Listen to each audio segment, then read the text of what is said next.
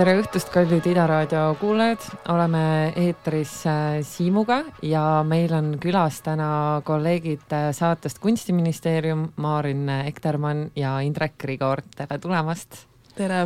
tere ja meie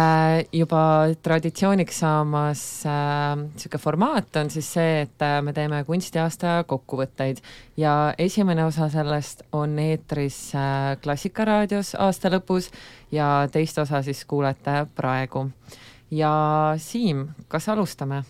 alustame jah, ma tahaks äh, ma tahaks, eelmine aasta me saime mm, mingisugust tagasisidet, et äh, viitasime endale valesti ja tekkis niisugune skisofreeniline olukord, kus me ütlesime, et siin saates ja meie ja siis keegi täpselt, kes kuulas Ida ja kes kuulas klassikat ja siis ei saanud täpselt aru, et vabandage, kui me nüüd ka teeme sedasama. me nüüd teeme seda kindlasti sedasama ja me hakkame rääkima nendest asjadest, millest me rääkisime eelmise tunni jooksul, nii et siis pole mitte midagi muud teha, kui panna, kui sa pole seda esimest tundi veel kuulanud, panna see fail nüüd seisma ja siis minna tund aega tagasi ja siis kohtume uuesti nüüd ja sellest saab täielik komplekt. aga ärme siis pikalt venita ja alustame trendidest ja teemadest, mis äh, kaks tuhat üheksateist Eesti kunstimaastikul ja ka laiemalt äh, esil olid et võib-olla analüüsiks natukene, mida me nägime, mis teemad tunduvad, et olid inimeste kunstnike südamel. Maarin, äkki alustad? Mm,? Jaa, mina panin endale siia kirja igasuguseid asju äh,, alustuseks äh, täitsa subjektiivses äh, rivis, aga äh, üks äh, selline jõukatsumine, mis minu meelest äh, ei puudutanud nii palju nüüd kunstivaldkonda ja kultuuri laiemalt, oli siis kultuuripealinna tiitlile rebimine, et äh, väga head lahingud pidasid nii Narva, Narva is next tiim kui ka siis Tartu ja me kõik teame, kuidas see läks, võitis Tartu, ma saan sellest aru ja just see oli ka huvitav äh, vestlus mõnede Tartu tuttavatega selle üle, et kui natuke oli see, et Narva on nii äge ja nii põnev ja toores ja seal saaks ähm, tohutult ära teha see Wild Wild East, eks ole, ja Tartu tundub, et neil on niigi juba kõik nii hästi, et kas nad vajavad seda suurt hoogu, mida see kultuuripealinn annab, siis äh, Tartu tuttavad äh, kutsusid mu mõttekäigu korrale ütlesid, et oleks väga ebaaus jätta Tartu ilma, sellepärast et neil on kõik nii hästi. ja selles mõttes äh, Tartus on minu meelest tõesti palju toredaid algatusi, just hiljuti ta ju kuulutati parimaks elukeskkonnaks, ma ei mäletagi, mis arvestus, planeedi arvestuses, aga igal juhul mul on hea meel, et mitmed nende asjad saavad nüüd suure hoo sisse ja ma arvan, et see mõjutab ka kunstiskeenet väga palju nii et see oli üks teema, mis, mida ma jälgisin kõrvalt kuidagi sellise sportliku innuga, mis sellest saab. ja ma usun, et Narva võimalus veel kindlasti tuleb, et võib-olla seal vaadates, kuidas seal need linnavalitsuse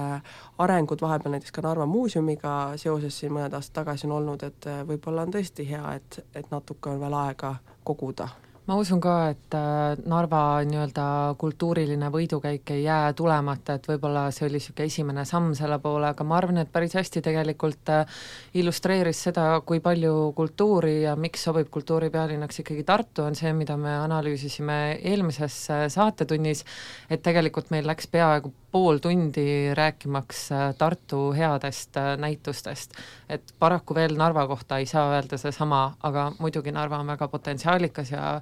loodame, et äh, siis kaks tuhat kakskümmend kaheksa või äkki, äkki siis on nende, nende aeg. minul ikka on natukene kahju. olgu see välja öeldud. et oleks see hääl ka olemas, mitte sellepärast, et mul otseselt midagi Tartu vastu on, mul pigem just see, et, et kuna mulle nii meeldib seal juba käia,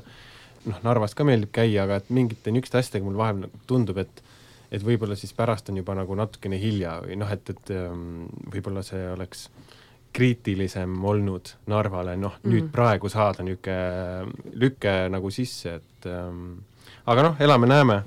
mina ei saa muidugi oma ninast äh, väga kaugele kõigepealt minna, et mul on tunne, et teemadena kindlasti kunstis, õnneks Eestis on ka lauale tulnud äh, empaatia ja eetika kliimakriisi kastmes. osalt minu süül äh, kunstijoones kureeritud näituste seeria aga samas ka näiteks äh, Kiasmas oli hea olemise temaatika ümber keerlev programm, nagu enne öeldud, siis nagu vähem sõnastatuna EKKM-is kindlasti fotokuu näituseid saab vaadata sellises apokalüptilise pilgu läbi ja siis, kui nüüd et miks mul selle üle nagu hea meel on see, et noh, mu ise nagu otsides niisugust nagu eetilist sidusust ütleme, praktika ja ideaalide vahel, et siis vastukaaluks selline Veneetsias nähtud ähm, pinnapealsusele on siin tekkinud nagu praktikaid, mis aktiivselt siis ikkagi tegelevad probleemiga mm. -hmm. mul endal on see väga lühidalt kirja pandud, et trendid ja teemad esile, siis ma olen kirjutanud siia, et kehad ja loodus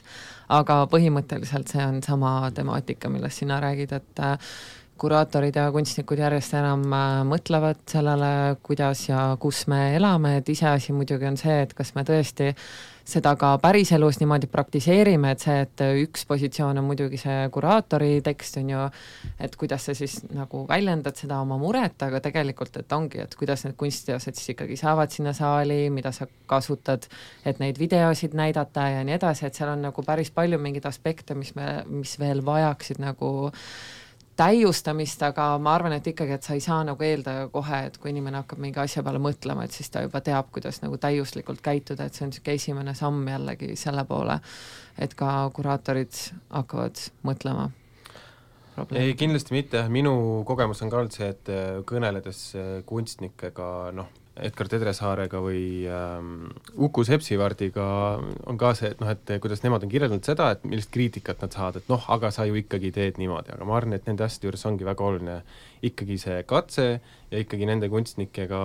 eelis tegelikult meie ees, et nemad saavad nagu õppida päris enda vigadest, et, et kui nad ise selle vea ära teevad, siis nad on nagu reaalse kogemuse võrra nagu rikkamad ja saavad oma edasist praktikat nagu vastavalt siis nagu korrigeerida aga see on huvitav teema, sest et, et kaasaegse kunsti globaalne toimimisloogika eeldab väga palju reisimist, väga palju kursis olemist ja kuigi meil on arenenud kõikvõimalikud tehnoloogilised platvormid, siis näitus ikkagi on ruumiline, füüsiline, ajaline kogemus, mida sa kõikvõimalike äh, ülevaadete põhjal, mida jah, tehnika võimaldab äh, pakkuda, minu meelest sa ei saa seda kogemust kätte ja ma arvan, et minu enda jaoks kunsti puhul on tihtipeale just need korrad, kui ma olen näiteks mingist tööst näinud reprot või olen näinud ähm, kas või mingit filmi või mida iganes ja see reaalne kohtumine, et seal on mingid üllatused või seal on mingi see teine taju ja siis tuleb see küsimus, et kui eeldatakse, et äh, meil on suured üritused nagu Veneetsia biennaal, ma ei tea, sadu mingeid muid biennaale, siis meil on kohtumised inimestega, meil on mingid väikesemad näitused, et see on eh, nii-öelda see lennu jalajälg, mida tegelikult eh, kaasaegse kunstimaailm default'ina tekitab, on päris pöörane. Ja mul on tunne, et et siin on see probleem, et, et kui me teeme neid näituseid ja me kõneleme siin pimesikkudest ja kõhedusest ja niisugusest ebamäärasest äh, hiilivast niisugusest midagi külma haarab su südame ümber kinni ja siis me läheme näiteks äh, neljaks päevaks äh, Berliini või läheme näiteks kolmeks päevaks äh, kuhugi Londonisse või midagi sellist, et mul ei ole mingit head vastust ja aga ma ei tea, mind huvitab, et kas see lõpuks nagu läheb nii halvaks, et näiteks ei ole enam nii elementaarne, et me reisime kõik kuhugi. ma arvan, et meie eluajal me seda ei näe mm., aga jah, et see lennu jalajälje jätmine nii-öelda ja nendest probleemidest rääkimine, et tegelikult see paradoks on juba olnud minu meelest äh, kureerimise praktikas äh, mõnda aega, et mitte küll selle looduse näitel, aga just näiteks seda, et kui sa räägid mingitest sotsiaalsetest probleemidest, on ju, et kellega sa siis ikkagi räägid, et kas sa räägid publikuga või sa räägid teiste kuraatoritega? Ja kui see tekst nagu seal on, on ju, ja see näitus justkui peaks nagu tõestama midagi või prove ima mingit pointi, siis tegelikult sa ikkagi lähed koju ja teed täpselt niimoodi, nagu sa ise tahad ja sa tegelikult ei jõua nende gruppideni, kellel see probleem nagu on, et see on nagu niisugune mingi ideoloogiline õiendamine, mis tegelikult nagu praktikas päris harva väljendub. noh, eh, musta stsenaariumi järgi veel meie eluajal lähiaastate jooksul võivad lennupiletite hinnad lihtsalt nii üles minna, et lõpuks ainult jõukas eliit eh, saab jätkata seda nii, nagu nagu seni on saanud tänu odavatele lendudele reisida ja ma ei tea, mis siis äh, ja kaasaegne kunst elitariseerub veelgi. Hmm.. Äh, täpselt jah, et see kihistumine kandub kindlasti üle ka siis sellesse meie maailma. Ma arvan, ma ise aasta jooksul olen jõudnud nagu pehmeneda ka, et kui ma aasta alguses natukene radikaalsemalt vaatasin seda nii-öelda materjali ja süsiniku jalajälje ja siis selle teose sisulist tasakaalu, siis näiteks ma pean välja tooma sealt ähm, Heidi Palleti kureeritud EKKM-i näituselt äh,, kui ütled, kuulume Äikesesse, no igatahes Äikese näituseks kuulun, kutsun Kuulume. seda mina, kutsun seda mina. Ja seal siis äh, Edith Carsoni teos kus on see mm, kasvuhoonegaase täis plastikmees seismas selle mm, hülgekorjuse otsas, siis kui sa noh, kui ütleme, võtad selle väga labase niimoodi, et mis materjalid need seal on, mida ta kasutanud on ja mida see teos tegelikult teeb, siis noh, ütleme selline mingi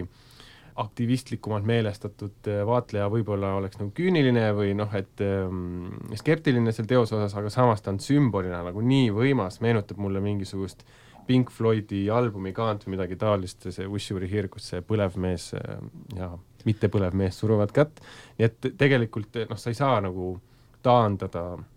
kogu loomingut lihtsalt äh, sellele mm, jalajäljele, aga teistpidi ma arvan, et see on ka nagu väga libe tee, et äh, kuidagi seda tuua lihtsalt nagu vabanduseks, aga noh, mis siis meie või mis siis ütleme, et mis on see kunstivälja äh, kaal võrreldes tööstusega, transpordisektoriga, energiatööstus, noh, mis iganes, et ükskõik, mille sa valid, me jääme nagu väiksemaks, aga noh, see on nagu niisugune ma just tahtsin öelda, et tegelikult see Editi teose näite toomine on minu jaoks natukene pilli lõhki ajamine, sest et sa mm. just mainisid neid suurtööstuseid, kes mm -hmm. nagu tegelikult seda jalajälge tekitavad ja siis nüüd sa nagu võtad äh, hammaste vahele ühe kunstniku, kelle looming tegelikult äh, ei ole või noh, tegelikult tema praktika ei ole väga keskkonnavaenulik minu meelest ja nüüd ta otsustas näidata ühte plastikkostüümi ja nüüd tema on nagu no ma meenutaks midagi... ikkagi neid penoplaste ja siis neid usse, mis seal Kumus on ja nii, ja mis sellest penoplastist veel edasi saab või siis need suured tahukad, mis olid kunagi Temnikova Kasela galeriis, mis olid ka penoplastist et äh, ma pigem just nagu ähm, ma ei võta teda hambusse, vaid ma nagu pehmendan ennast. Äh, Indrek? et teie selle lennujutu jätkuks, et äh, ma peaks nüüd iseennast üles kutsuma allikakriitikale ja ma olen seda ka üritanud alati teha, kui mul, kui ma seda lugu, mida ma teile nüüd räägin, räägin, aga, aga oli äh, Läti kunstimuuseumis nende meediakeskuse Riks-C suur äh, festival ja nende, nende suur näitus. Ja jumala eest ei mäleta, mis oli autori nimi, aga, aga ühes teoses esines selline väide, et äh, Google'i CO2 jalajälg on suurem kui kogu maailma lennutööstuse jalajälg et ma, see, mis tekitas minu peas kohe siukse skisofreense küsimuse, et aga, aga võib-olla on ikkagi mõistlikum kohale lennata, kui, kui Google'ist vaadata ja mul oli sama, kui äh, tekkis mingisugune küsimus kellelgi, et umbes miks meil ei ole prinditud äh, tekste, siis ma poolnaljaga ütlesin, et äh, päästame neid puid ja siis äh, mu kolleeg Olga Temnikova kommenteeris mulle, et kuule, et kas sa tead, et see üles- ja allalaadimine internetis tegelikult nagu kurnab äh, sama palju loodust ja võtab megalt energiat. ehk siis äh, jah, see ei ole nagu nii kuidagi lineaarne selle, just täpselt, selle loo moraaliks on, et noh, et kui, kui Siim tegi pikka sarja seda hea olemise kunstinäituseid, siis mina suuresti nagu juhuse ajel sattusin, sattusin olema, ma ei tea, produtsent, kaaskuraator ühele sellisele Eesti-Läti piiriülesele initsiatiivile, mille, mille raames sündis ka, ka näitus Mitte silmist, mitte meelest, mida nüüd on, on saanud isegi Tartus juba, juba korra näha siin kevadel aga, või no keset suve, mitte kevadel, isegi, isegi suve lõpul, pigem sügise poole jah. ja, ja, ja peaks nüüd kaks tuhat üheksateist tulema ka korra Kondase keskusesse ja Maanteemuuseumisse, et noh, et kui kedagi huvitab, siis võite, võite nagu info levikul hoida silma peal et on täitsa ilus kunstnikkond, aga ühesõnaga selle, selle näitusega töötates ja nende töödega seal töötates, et minu jaoks ikkagi, kuidas nüüd öelda, et ei saa nüüd öelda, et kunst ei ütleks midagi, näed, kunstist saab nii mõndagi teada. Ja, ja üks neid tõdemusi, mida ma mida ma selle näituse jaoks neid kaastekste kirjeldades äh, Helena Redaellil on, on seal suur installatsioon, mis koosneb vanast mööblist ja, ja vanapaberist, niisugused suured jurakad monstrumid ja ma nimetasin seda bürokraatia arhitektuuriks, et et noh, et, kui inimene hakkab midagi tootma, et noh, et kogu aeg käib nagu toodab nagu üle. Ja, ja kuidagi see tõdemus, mida ma, mida ma selle, selle töö üle mõtiskledes nagu olin sunnitud endale tunnistama, on see, et vot kuulge, aga teate, et kogu probleem ongi selles, et, et kuivõrd inimkond kui liik on nii mastaapne, nii suur, meid on nii palju, et noh, et mida iganes me ka ei otsusta teha, sellel on noh, meeletu järg või noh, et sellist nagu nii-öelda ilma jalajäljeta liik-, noh, me oleme nii suur, et me ei saa astuda nii, et me jalajälge ei jäta. et noh, et seal on natuke selline jah, vot nagu Liilian hästi ütles, et asjad ei ole nii, nii lineaarsed ja seal on selline noh, mingi sihuke vastuolu paratamatult sisse kirjutatud. Mis mind toob äh, järgmise teemani, mille ma välja tooks, on siis see töö ja vaba aeg mm, -hmm. mida võib ka siis nüüd ühtpidi vaadata nagu ähm, vähenemise kontekstis, aga võib vaadata ka nii-öelda enese alalhoiu või enese säilitamise strateegiatena, et siin äh, suur äh, Maarin, sinu, sinu käpp oli siin mängus, aasta alguses kureerisid või olid, kuidas sa olid, giidiks, teesaatjaks, reisisaatja. reisisaatjaks Sigrid Viirile tema isikunäitusel EKKM-is ja ma arvan, et see noh, minu meelest äh, väga lahe projekt, äh, ka noh, esteetiliselt näitusena, aga ma mõtlen just, äh, kuidas ta võib-olla resoneerub, ma arvan, niisuguse kriitilise momendil, noh, võib-olla see on kestev, pikalt kestev kriitiline moment, aga ma arvan, kohalikul väljal, kus noh, me oleme nii palju, nii palju asju on nagu kätte võidetud, aga, aga teistpidi võib-olla on au, aeg nagu kuidagi seda auru hakata säästma või, või võib-olla on see nagu mingi põlvkondlik asi, et inimesed, kes on välja töötanud mingisugused äh, asutused, platvormid ja nii edasi, äh, hakkavad rohkem mõtlema selle peale, kuidas ma seda edasi teen veel aastaid uut generatsiooni on peale vaja, kes äh, veel jaksab äh, hommikust ööni töötada. Aga jah, see äh, vaba aja tendents on minu meelest meil juba vist eelmine aasta käis natukene läbi mm. ka, kui ma õigesti mäletan, et ma arvan, et see on jätkuvalt niisugune küsimus, mida igaüks peab enda jaoks võib-olla ise lahendama ja ja lihtsalt endale piirid seadma, et kuidas siis navigeerida selles hulluses, mida me ise endale toodame aga ma arvan, et see ongi kõige keerulisem selle teema juures, et äh, sa ei tööta mingis Fordi tehases umbes liini taga äh, ja sinu tööandjaid on tihtipeale mitu või sa hoiad need mitut palli korraga õhus ja ongi, keegi ei näe kellegi teise nagu laua peale või kellegi teise kalendrisse, et millest see elu täpselt koosneb. aga ma arvan, et see on päris raske nagu või noh, et lõpuks me paneme ise endale need päitsed pähe, aga kuidas seda nagu siis mitte teha või, et võib-olla jah, see on nagu teema mida võib ka uuel aastal edasi mõelda, et kindlasti mina võin öelda, et mulle tundub, et, et minu tööaja väliste sissetulevate kõnede hulk on vähenenud. et kogu sellel kõnelusel on olnud äh, mõju ja mul on tunne, et äh, või siis, või siis ma olen olnud osavam telefoni hääletuks panemises, aga ma ikkagi kahtlustan pigem seda esimest äh, varianti. mina tegelesin aasta alguses tõesti selle Sigrid Viiru projekti ja selle teemaga ja siis võib-olla enda jaoks kõige olulisem avastus oli see, et on vahe selle vahel, mis on vaba aeg ja mis on puhkus ja siis on tööaeg, et tegelikult äh, siin sotsiaalmeedias arenes ka üks äh, arutelu sellel teemal, kus Ingrid Ruudi ütles, et äh, et vaba aeg on koloniseerinud puhkuse täielikult ja nii natuke ongi, aga minu üllatus võib-olla siin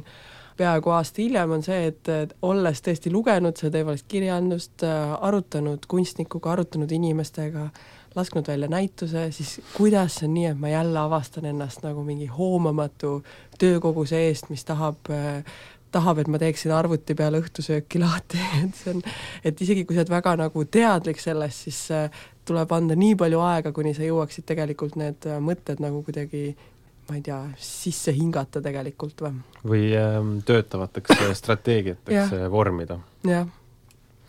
jäi nagu enne sealt kriitika sektsioonist jäi välja, aga ma tahtsin äh, välja tuua äh, Tanel Randeri äh, teksti, mis on ka siis, mis ta kirjutas kriitikateksti Vallutaja pilgule ja minu meelest ta väga hästi kõlas kokku või, või peegeldas mingisuguseid teemasid, mis ta arendas ka sealsamal EKKM-is toimunud äikesenäitusel,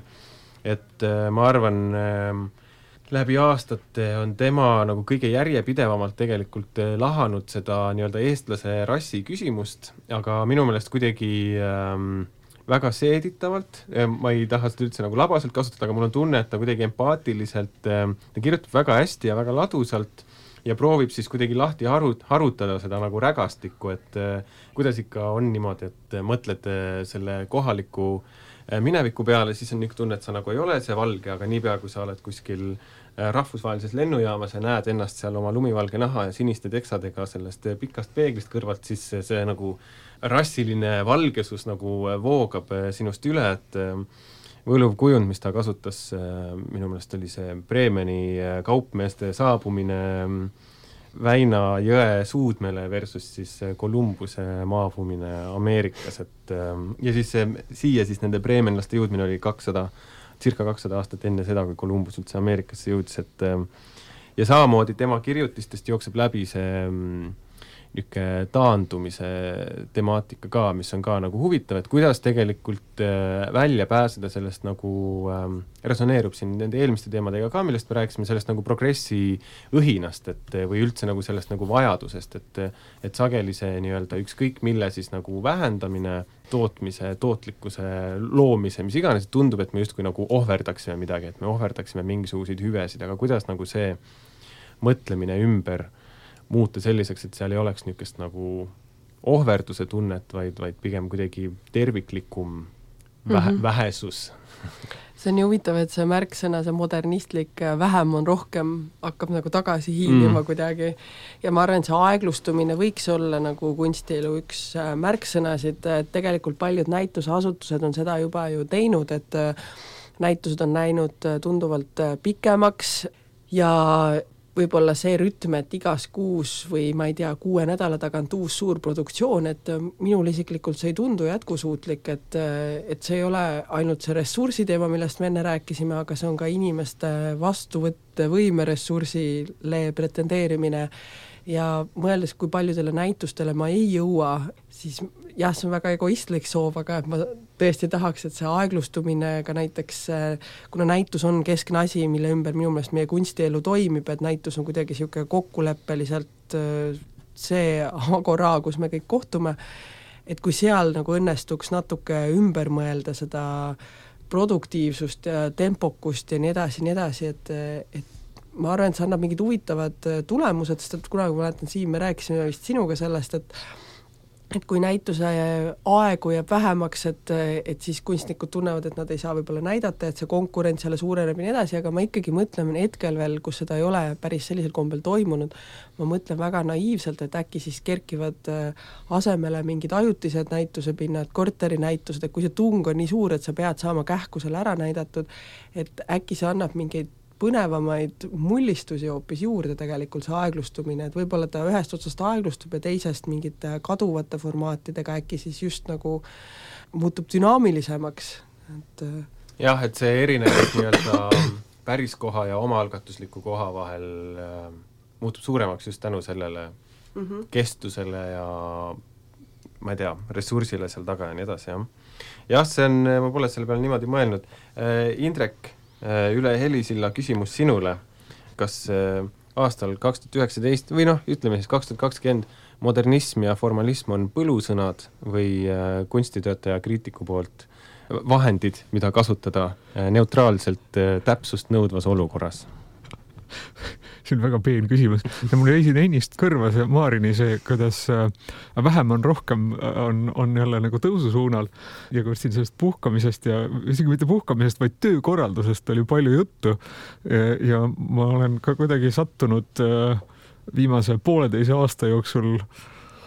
no oluliselt rohkem kui iial ennem äh, ka tegelema selle küsimusega, sest see on vaat ma jälle, sõltub, on ju, et kelle Youtube'i kanali te parasjagu vaatate, aga, aga, aga selgub, et minu Youtube'i kanalis see, see noh, nagu tõhususe tõstmine on nagu oluline teema. Ja sealjuures on üks väga oluline mõiste minimalism. Ja siis ma selle Maarini kommentaari juures hakkasin mõtlema, et huvitav, et kas sellises selle vähem on rohkem tähenduses, et, et kas see, kas see nii-öelda elustiil minimalism, millest kõik populaarsed äh, need äh, sotsiaalmeedia mõjutajad hetkel on nii äh, innustunud, on see Marie Kondo ja kogu see liikumine, mis sealt tuleb, on ka Netflixis on suurepärane dokumentaalfilm The Minimalists et huvitav, et kuidas sulle pigem, ma, ma Siim küsin sinu käest hoopis, et, et, et sa oled nüüd selle hea olemise kunsti näitust teinud, terve sarja teinud, vabandust, hea olemise kunstist. et kuidas sulle pigem tundub, et kas, kas, kas, kas tuleb selline ühesõnaga, kas seda võib näha ka näituse pildis või? et noh, et, et kui, kui, kui muidu see vähem on rohkem tähendas lihtsalt niisugust modernistlikku esteetikat, et noh, et see oli selline nagu peen valik, siis sellest on, on nüüdseks on tehtud sellest selline ka nagu teadlik valik, et, et sul ongi vähe asju ja sa, sa omad võimalikult vähe asju, sa ostad võimalikult vähe asju ja kõik on nagu selline noh, nagu mingi niisugune ratsionaliseerumine toimub. et, et kas seda võib sellisel viisil kunstis ka näha? jaa, kindlasti võib, et äh, mina olen äh, kokku põrganud paljude kunstnike praktikatega, kes teadlikult nagu vähendavad ja lihtsustavad oma seda niisugust äh, materjali nii visuaalses mõttes kui ka noh, hankimise mõttes nagu kuidagi ähm, aga ma arvan, et see ei ole nagu tingimata mingi uus asi, mulle lihtsalt tundub, mis on nagu, siin on nagu kaks niisugust nagu vastupidist jõudu, mis nagu vähemalt nagu kohalikus kontekstis nagu toimivad, üks on see, et et meil siin on ikkagi võib-olla see vähesest palju tegemise minevik veel suhteliselt nagu värske tänu nagu materiaalsele kitsikusele. nii et ma arvan, et ütleme, Ribokal võimalus näha kohalike kunstnike loomingut nagu maailma tasemel produtseerituna, noh, see oli midagi uut minu jaoks, et ma arvan, et siin on veel paralleelselt nagu toimuvad veel ikkagi need hoovused, et, et veel ikkagi kätte saavutada nagu see kuidagi tehniline maksimum, produktsiooniväärtuste maksimum ja võib-olla alles siis saab, saab hakata nagu suurema hoovusena toimuma nagu see vastupidine liikumine. Aga kuivõrd sai küsitud nagu nende trendide järele, siis äh, me selles esimeses saatetunnis, mis, mis äh, Klassikaraadio eetris oli, Kunstiministeeriumi saatetunnis, sa korra rääkisid ise ja küsisid ka minu käest Marko Laimre äh, näituse kohta, mis oli, oli Tartu kunstimajas ja mille keskmes, mis, mida Marko Laimre ise kirjeldabki kui videomängu, et ta tegi arvutimängu, et ja see oli ausalt öeldes minu jaoks nagu esimene kord, kui ma lõpuks kuidagi hakkasin iseendale teadvustama, et, et oot-oot, et see, et mina ei mängi arvutimänge, ei tähenda no ei vähenda kuidagi nende sellist globaalset mõju, et tegelikult on tegemist nagu meeletu tööstusega, seal on väga palju inimesi taga, seal on, no selle mõju kultuurile on, on vaieldamatu onju, et isegi kui me ei mängi, siis ma tean. ja, ja ütleme lihtsalt sealt kohe kiirelt tagasi mõeldes, mul tuli meelde Pitara Savi, äh, kes nüüd selline äh, fotokuu messil oli väljas oma äh, arvutimängus tehtud fotodega ja, ja väikeste videodega ja ta rääkis mulle, et tal on plaanis teha nagu täispikk loodusdokumentaal arvutimängus. Ja noh, sealt edasi tulid ka mingisugused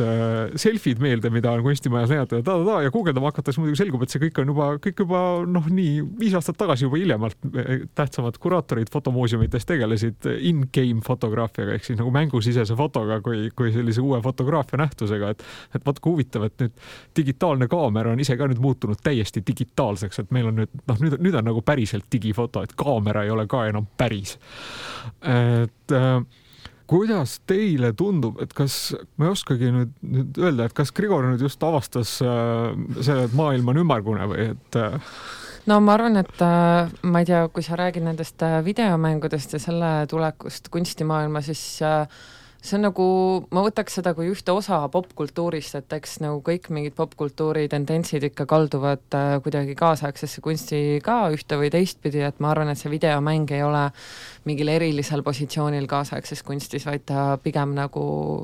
on üks osa sellest, mis on üpriski normaalne, et selles mõttes, Indrek, ma arvan küll, et mingis mõttes sa natuke võib-olla avastasid, et maailm on ümmargune aga ma tuleks siinkohal võib-olla korraks tagasi selle juba mitmeid kordi mainitud äh, hea olemise kunsti juurde, aga natuke teises võtmes, sest mulle tundub, et üks positiivne trend minu meelest äh, institutsioonide puhul on äh, kuidagi näituse pakkimine kimpudesse. ja näitena selle hüpoteesi tõestuseks võib tuua, et Kumu püüab oma erineval korrusel olevaid asju kuidagi äh, natuke haakida, näiteks äh, sellel aastal toimunud äh, moe- ja kunstikohtumised, Liisa Kaljula kureeritud Sotsart ja mood koos Marit Tillissoni võimsa kitli kollektsiooniga äh, ja siis juurde miksitud see Sotsarti pool seal samamoodi ja ka juba me eelmises saatetunnis käsitlesime ka loomulikult Tommy Cashi ja Rick Owensi duett-duelli äh,, aga praegu on näiteks ju Kumus äh, mitmed äh, see on nõme sõna, aga naiskunstnikud kunstnikud, kes on naised ja kes teevad kunsti kuidas normaalselt öelda seda, aga veits on see teema, et ühelt poolt Eesti ja Soome see modernismi suurnäitus, eneseloomine ja samas ka viiendal korrusel äh, Meeri äh,, Edith Karlsson ja äh, Eeva Mustonen ja juba näitena toodud siis ka Tallinna kunstihoones äh, Siimu vedamisel nii kunstihoones kui galeriides toimunud äh, hea olemise kunstipakett. Ja mulle tundub, et võib-olla need äh, ma rääkisin Jane Remmiga tema näitusest ja siis küsisin ka, et kas see kimbus olemine kuidagi mõjutas ja ta ütles, et väga ei mõjutanud, aga ikka tore. ja mulle tundubki, et võib-olla nagu kunstnikke see ei peagi nii palju otseselt mõjutama, aga et võib-olla kuidas seda väljapoole, seda infot kommunikeerida ja, ja mulle väga meeldib, et tekivad meie suurematel näitusemajadel mingid teemad nii-öelda, millega nad tegelevad ja et see on mingi julgus öeldagi, et me hetkel siin näiteks see aasta on meil niisugused fookused ja sellised fookused, et mulle tundub, et seda on peljatud teha, teha võib-olla, kuidas ma siis surun peale mingit agendat, kas oma kunstnikele või, või valdkonnale või midagi sellist, aga et et mulle iseenesest see teemapõhisus kuidagi mõjub jälle värskena, see on ilmselt jälle see hästi unu-, ära unustatud vana, mis kuidagi äh, ilmub pinnale. mina ja. võin äh, omalt poolt lihtsalt öelda, et mulle hästi meeldib see loomulikkus selle juures, kuidas ta on tulnud et kui ta juhtub nagu niimoodi, et, et see tegelikult ongi, et asutuse sees töötavad ju mingid valitud inimesed, keda huvitavad mingid teemad, et see on kuule, kui sa juba tegeled nende asjadega, siis ütle see lihtsalt äh, välja, et mitte niimoodi, et tuleb mhm. direktor, kes ütleb, et nii, kaks tuhat kakskümmend üks me tegeleme ma ei tea, selle ja sellega ja siis pead hakkama niimoodi punnitama, et kuidas need äh, näitused äh, välja tulevad. aga siis võib-olla oleks okei okay võtta ka inimesi tööle näiteks selle jaoks, et me kaks aastat tegeleme näiteks siin mingi nende teemaga, et ja otsime kuraatori, kes tegeleb niipidi ka, et võib-olla neid asju võib ka julgemalt teha, aga Lilian, sa tahtsid enne midagi öelda? ma vist tahtsin lisada, et mulle ka kuidagi see punditamine on sümpaatne ja just võib-olla sellepärast ka, et kui ma mõtlen nagu kureerimisele, siis äh, tihtipeale kui, kuigi järjest vähem ja nagu järjest rohkem tuleb pa-, paremaid ja läbimõeldumaid äh, näituseid, siis tihtipeale mul on olnud ka niisugune tunne, et kuraator kuidagi võtab oma mingid lemmikkunstnikud ja siis paneb need enda kuidagi mingi idee või teksti alla, kuigi võib-olla arvestamata isegi nagu täpselt nende kunstnikega, keda ta nagu kaasab. et minu meelest see nagu puntidesse seadmine annabki niisuguse fokusseerituma võimaluse, et isegi kui see nagu teemakimp on enam-vähem sama, siis ikkagi, et sa saad seal nagu kimbu sees näiteks teha ka mingid kolm nagu erinäitust, et keskenduda mingitele teatud ideedele või teemadele, et minu meelest see nagu annab kuidagi niisugust sügavust juurde ja on väga tervitatav tendents mm. -hmm siis mina panin endale siin teemade alla kirja ikkagi ka raha ja võib-olla just sellest äh, vaatenurgast, et eh, institutsioonid ja kulka ja ma arvan, et see debatt tegelikult võiks nüüd ka algaval aastal toimuda, et mida ja kuidas me kust võiksime ideaalses maailmas kuidagi jagada, et kas siis on näiteks niimoodi, et et Kulka toetab produktsiooni kuni ukseni nii-öelda ja ministeerium siis näiteks uksest seinani et kas kunstnikud tahavad, et institutsioonid küsiksid nende eest raha või nad tahavad ikkagi otse küsida oma teoste produktsiooniraha ja olla vabamad toimetama sellega, et ei pea ootama, kuni näitustusosakonna juhatajal on aega minna kruve ostma või midagi sellist, sest et nende käes on kogu see tulnud toetus, et selles mõttes see Äh, mulle tundub, et ka mis siin aasta lõpus toimus EKKM-i ümber, et see andis tegelikult kunstivaldkonnale sellise hea harjutuse, kuidas oma jõudu tihendada ja ka mingi sellise kollektiivsuse tunde või küünarnuki tunde ja võib-olla seda momentumit äh, võiks selles mõttes ka ära kasutada, et et EKKM korda mitte kinni, aga et äh, seda momentumit äkki võiks ära kasutada ka nagu laiemate diskussioonide tõstatamiseks või mina väga tunnen puudust mingitest valdkonnasisestest kokkulepetest, et okei okay,, et äh, kuidas me siis teeme siin neid asju, et ma arvan, et ei peaks vaatama, et et osad inimesed on institutsioonis ja kunstnikud ja mulle vahepeal tundub, et läheb väga vastandamiseks, et on mingid inimesed justkui, kes on all ja loksal, kes istuvad institutsioonis ja siis on kunstnikud, kes peavad kogu aeg konkureerima ja nii edasi, ma kasutan siinkohal võimalust öelda, et ma ei tea ühtegi inimest institutsioonis, kellel oleks nagu aega lulli lüüa seal sellel all ja loksal, et kõik töötavad nagu veri ninast väljas ja siis on jube kurb, et see lõhe kuskil nagu hakkab tekkima või kujunema mingis, mingis kõnes. et ma ikkagi jällegi sellise naiivse lahendusena mõtlen, et võiks kokku tulla ja rääkida nendest asjadest, et võib-olla, et mida sooviks ka uuelt aastalt, on need kokkutulemise kohad või et need sisulise diskussiooni kohad kuidagi, et mis ei, ei ole ainult sellised äh, kohvikulauad ja, ja kodupeod ja sõpruskonnad, aga kuidagi nagu natuke struktureeritumalt. ja selle eelmise aasta lõpust mulle meeldis üritusena ka väga kunstiteadlaste ja teatriuurijate ühiskonverents Viljandis, äh, mis kuidagi tõi jälle päevavalgele või pühkis jälle tolmu sellelt vanalt mõttelt, et ikkagi need väljasõiduüritused on jube toimekad, et äh, kui sa ei, ma ei tutvunud seal küll ühegi teatriteadlasega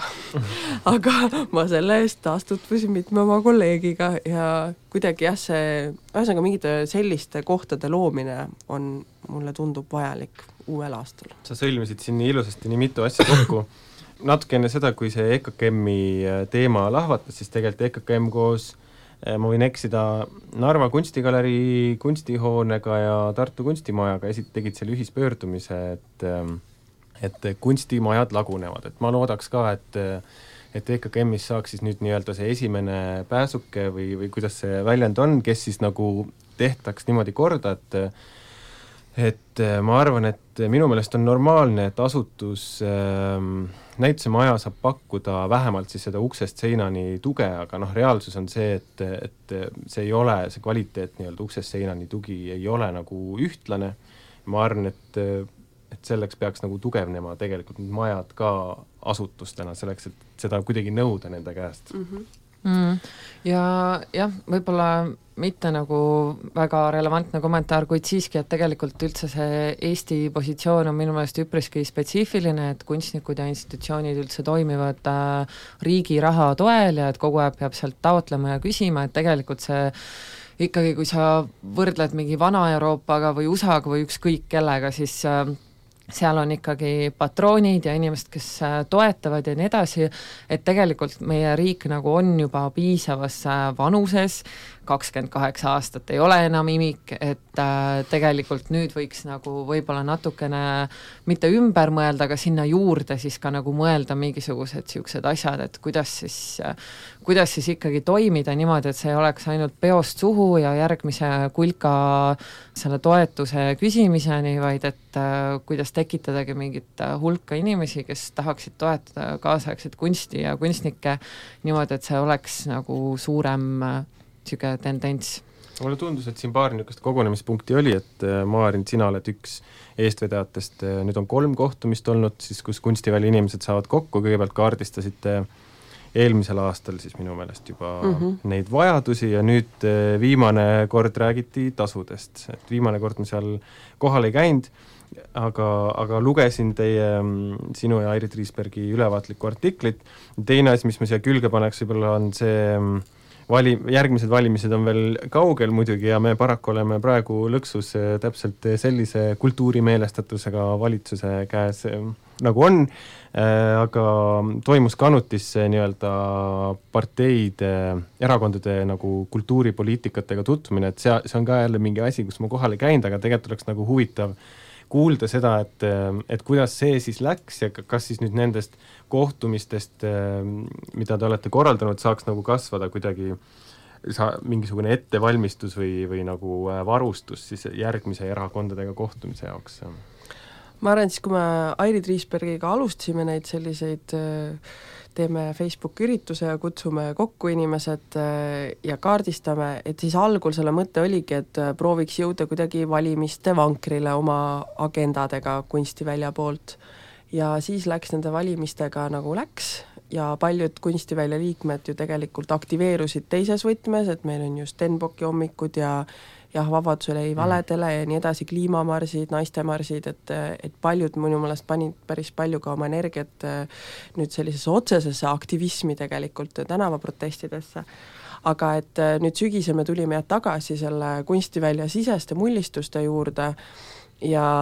minu meelest selleks, et meil oleks sinna nii-öelda poliitikapeole, mis Kanutis toimus, et, et oleks nagu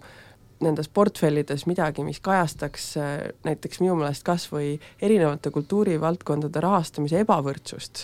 mis on ka asi, millest väga palju võib-olla ei ole minu meelest veel räägitud, sest et kellele meeldiks, kui nende rahakotti vaadatakse, eriti sellelt vaese sugulase positsioonilt, aga näiteks see on üks teema ja nii edasi, et selleks peab ikkagi valdkond ise mingid oma kokkulepped saavutama ja praegu me teemegi neid, me mõtlesime, et üks konkreetne asi, mis sellelt esimeselt kohtumiselt välja tuli, oli see, et kunstnikud on väsinud näituse tasude üle läbi rääkima rääkimast ja me nüüd proovime teha sellist aeglast kodanikualgatusega uurimust, et meil on praegu mingid fookusgrupid, mis toimuvad vaikselt, vahepeal avaldame Sirbis midagi, aga et äh, praegu tahaks loota, et kuskilegi mai lõpuks saaks nagu panna rohkem avalikkuse ette ühe niisuguse suure laudlina, kus on ära kaardistatud näitusemajade kategooriad nii-öelda suuruse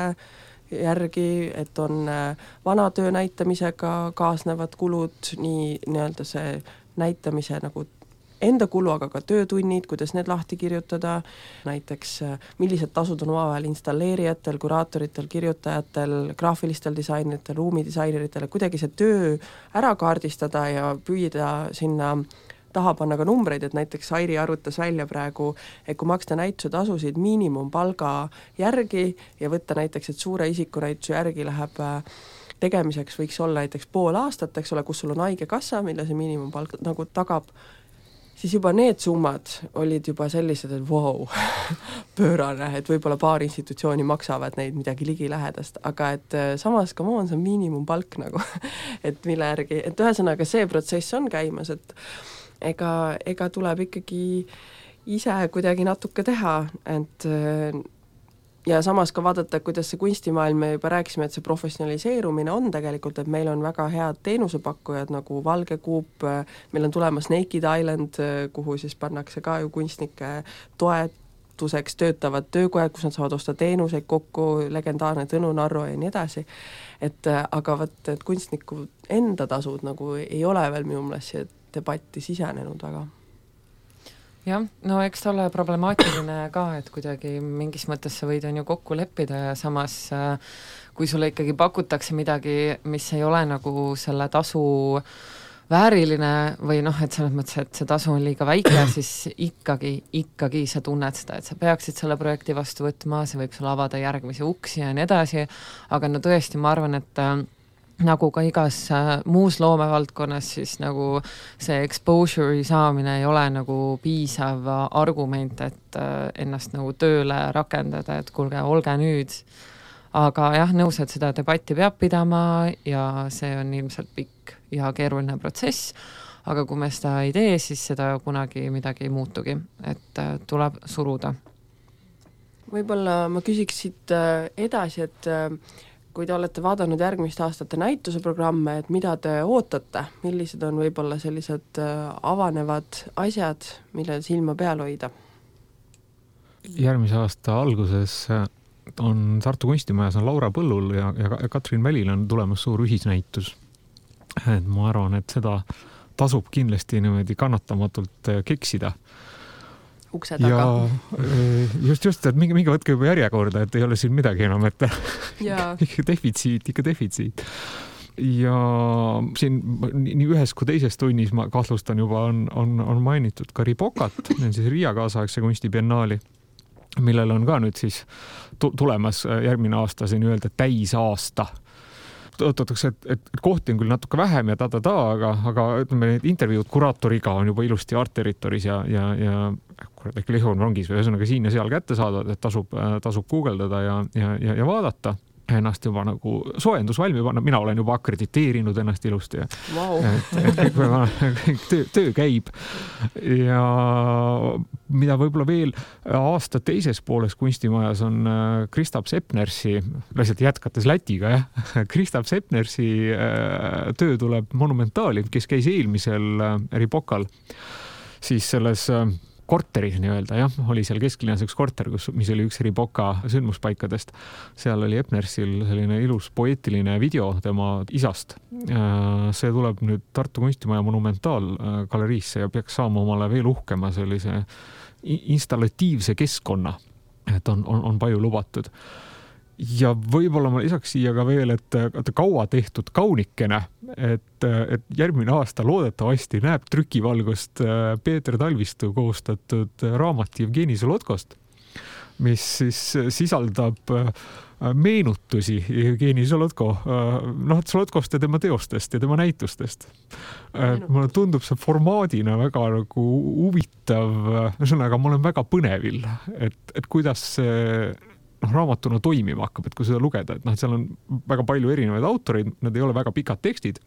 ma arvan, et see on, see on selline huvitav tekstieksperiment, mille, mille ühesõnaga mind, mind alati sellised kunstikriitika eksperimendid alati rõõmustavad, noh, aga te võite arvata. Äh, ja seda ma ootan suure põnevusega mm. -hmm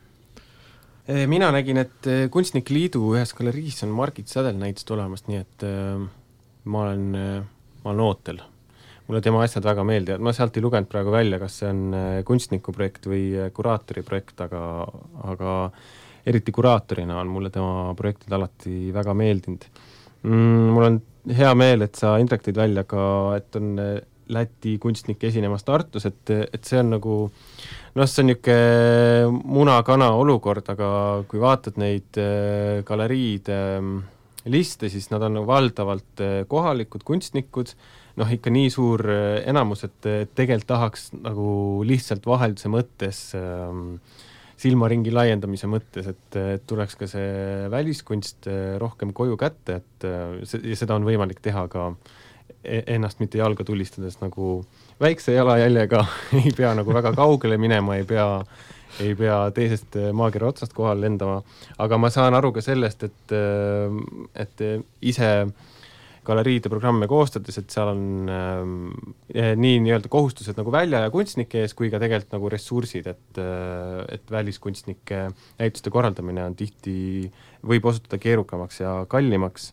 aga näed, vot sellepärast võikski meie asutused kõik olla tugevamad, et see kultuurivahetus saaks olla tervislikum, et mulle, mulle tundub see siia paslik lõppu tuua, et eriti kui Lilian kohe alguses luges ette äh, need mõned äh,